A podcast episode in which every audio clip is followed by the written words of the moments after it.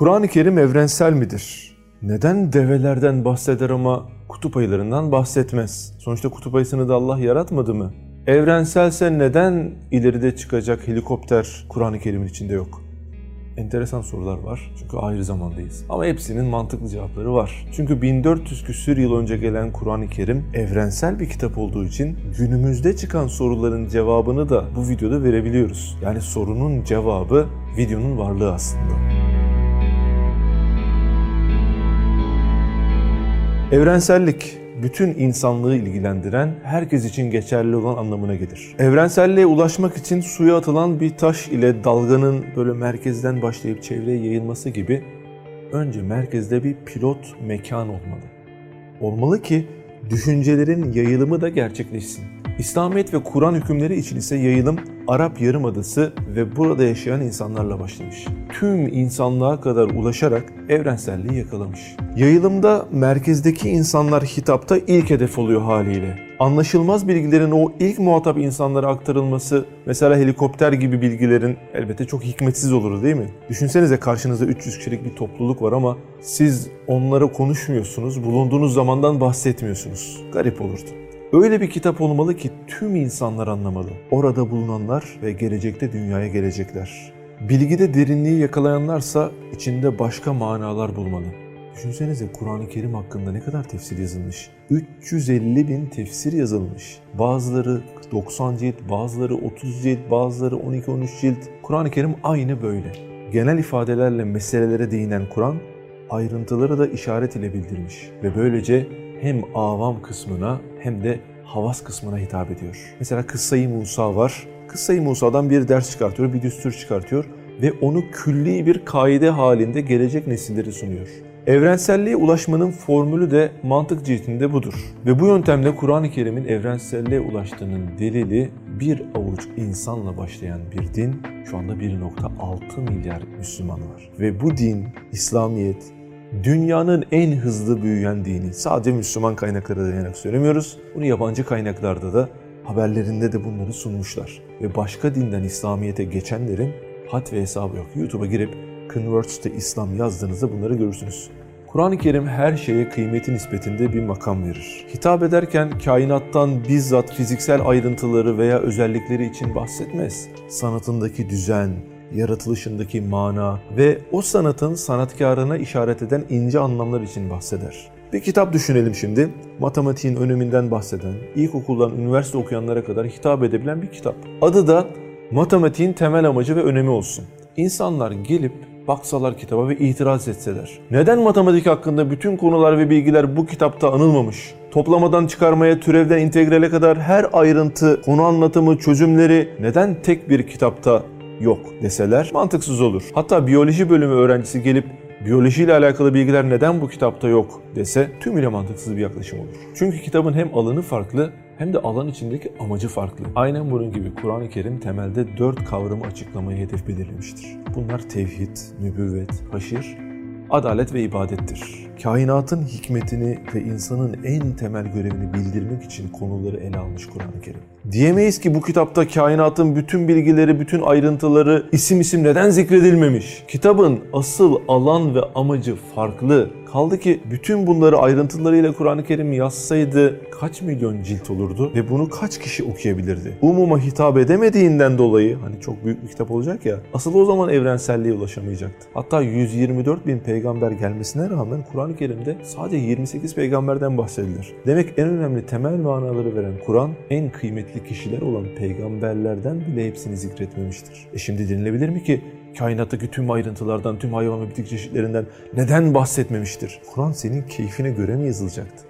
Günümüzde insanlığın geneline bakınca bilim, fen, matematik gibi alanlarda çok az bir kesim konuyu ayrıntılarıyla anlayabiliyor ve bu alanlarda kavrayabilme yeteneği ve ilgi oranı günümüzde bile oldukça düşük bir seviyeye sahipken özellikle o dönem eski dönemdeki insanlar için bu tip bilimsel verilerden veya teknolojik helikopter gibi gelişmelerden bahsetmek elbette yeterli karşılığı alamayacak ve genele hitap edemeyecekti. Evrensel niteliğini de taşıyamayacaktı. Yani 21. yüzyıla hitap edip eski zamana hitap edemeyecekti ve evrensel olmayacaktı. Çünkü o zamanın insanlarına hitap etmesi yine evrensel olamazdı. Özellikle medeniyet harikalarından televizyon, internet, uçak, elektrik gibi o dönemde aşikar bir şekilde bunlardan bahsetmek hiçbir anlam ifade etmeyecekti. Belki de o zaman insanlarınca kitabın ütopik, karışık, gerçeklikten uzak olarak algılanmasına sebebiyet verecekti. Diğer bir yandan da 1400 yıl sonraki bilimsel buluşlardan bu derece açık bir şekilde bahsedilmesi 1400 yıl sonraki insanlar için yani bizim için imtihan sırrına ters bir hareket olacaktı,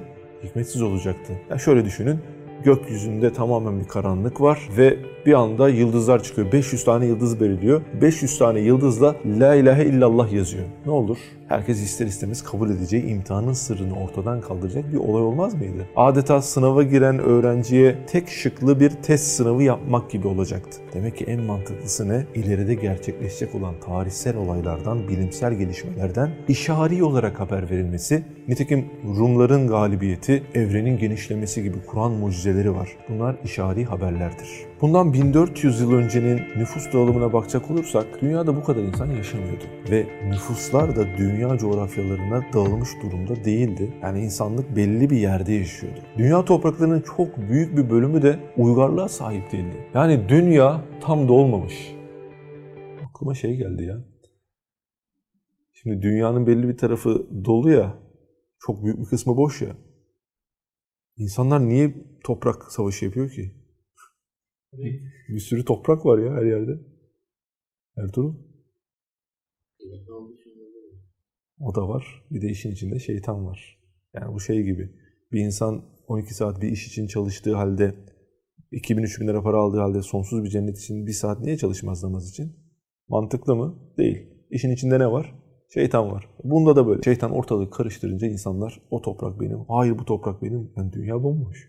Gidin. Bir sürü kaynaklar var ileride. Neyse devam edelim. Dünya o kadar boşken insanların ulaşamadığı birçok coğrafyanın bulunduğu bir dönemde o bölgedeki yaşamdan bahsetmek yine anlamsız olacak ve karşılık bulmayacaktı. Demek ki geniş çapta düşünürsek, mantık ilmiyle tartarsak şu sonuç çıkıyor. Öncelikle hedef hitap edilen kesim için anlaşılır bir kaynak oluşturmak olmalı.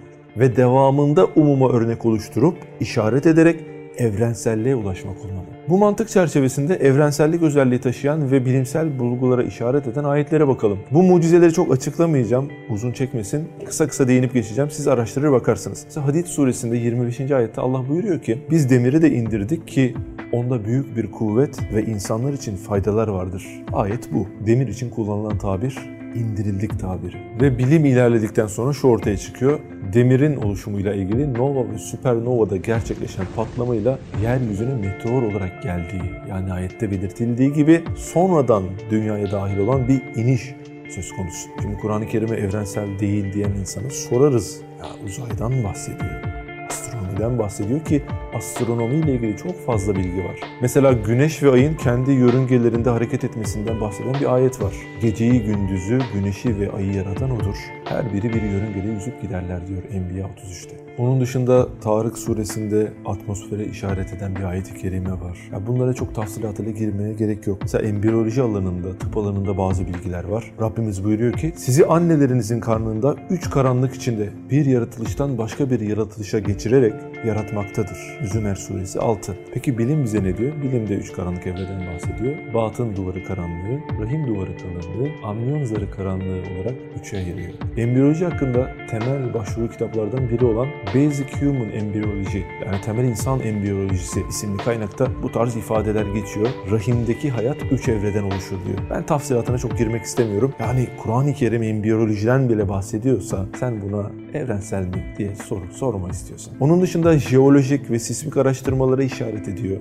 Ayette diyor ki biz yeryüzünü bir düşek kılmadık mı? Dağları da birer kazık diyor. Yani Cenab-ı Hak dağların kazık olma özelliğinden bahsediyor. Nebe suresi 6 ve 7. ayette bu. Peki jeoloji bize ne diyor? Jeoloji dağların yukarıda görünen kısmı gibi aşağıya doğru da bazı kısımların olduğunu, tıpkı bir kazık gibi çakıldığını bahsediyor. Onlar depremlerden vikaye ediyor bize arkadaşlar. Hani dedik ya Kur'an-ı Kerim bazı kıssalardan düstur çıkartıp bizim gelecekteki insanların hayatını alması için bir yol gösterici, bir öğüt verici. Mesela hastalanan insanların çektiği sıkıntıya nasıl sabredeceğini Hazreti Eyüp'ten öğrenirsin. Evlat acısı ile ömür geçirmenin zorluğu konusunda Hazreti Yakup'un hayatı vardır. Haram sevdayla nasıl mücadele edilir? Hazreti Yusuf. Toplum tarafından dışlanma, yalnız kalma hissiyle mücadele örneği nedir? Hazreti Nuh'tur. Hazreti İbrahim'dir. Her dönem ve her insan tipi için yaşanabilecek bu duygusal durumlar için Kur'an'ın yönlendirmesi ve yol göstermesi Kur'an'ın evrenselliğinin göstergesi değil midir? Kur'an sosyal ve toplumsal hayatın nasıl olması gerektiğiyle ilgili birçok hüküm barındırıyor. Namazda insana ruhsal ve bedensel faydaların bulunması, oruçta hem sağlık açısından hem toplum içi insanların gelir düzeylerini kavrayabilmesi açısından faydaları var. Faiz yasağı ile toplumu yiyip bitiren bir meselenin yasaklanması meselesi. Zekat gibi insanların arasındaki maddi dengeyi sağlayan bir düstur var. İnsanlar arasındaki gelir seviyesini dengeliyor. Haç var mesela. Dünya Müslümanlarını tek çatı altında toplayıp sosyalleşmeyi sağlıyor. Tabii ki başka faydaları da var. Birliktelik oluşuyor. Dil, renk fark etmeden insanlar kaynaşıyor. Şu evrenselliğe bir bakar mısınız? Her açıdan topluma fayda oluşturan bir evrensellik gözükmüyor mu? Bazen bir mobilya alırız kurulum isteyen. Getiririz evimize. Önce böyle kullanma kılavuzuna bakmadan sağını solunu birleştiririz yapamayız. Sonra ne yaparız? Kullanma kılavuzuna bakar. Doğrusunu öğrenir. Öyle yaparız değil mi? Biraz da ona benziyor mesele. Kur'an'da adeta kainatın kullanma kılavuzu gibi. İnsanlık dönüp dolaşıp deneyip yanılıp onun hükümlerini hakkaniyetine dönüyor. Bundan daha evrensel ne olabilir? Evrensel olduğunu ispat ettik. Şimdi birkaç soru sormak istiyoruz. Kur'an-ı Kerim eğer evrensel bir kitap olmasaydı şu an sayısı en çok artan din, İslamiyet olabilir miydi? Veya her kıtadan, her bölgeden insanları İslamiyet'i kabul edip hayatlarına geçirmeleri evrensel olmasaydı bu dinde ciddi bir azalışın ve artış demiyorum bir azalışın olması gerekmez miydi? Ve dünyanın en hızlı büyüyen dini, İngilizce kaynaklara da bakabilirsiniz. The fastest growing religion, YouTube'a yazıp videoları izleyebilirsiniz. Yahudilikten İslam'a geçen, Hristiyanlıktan İslam'a geçen, ateizmden İslam'a gelen, deistken Müslüman olan insanların hepsine bakabilirsiniz arkadaşlar. Çok fazla sayıda bir akış var. Ve bu onun evrensel olduğunun delilidir. 1400 sene geçmesine rağmen modası geçmiyor. Bediüzzaman Hazretleri'nin güzel bir tanımı var. Zaman ihtiyarladıkça Kur'an gençleşiyor. Çünkü Kur'an evrenseldir. Mesela bak sen şu anda bu videoyu izliyorsun. Konu 1400 sene önceye ait. Demek ki evrensel.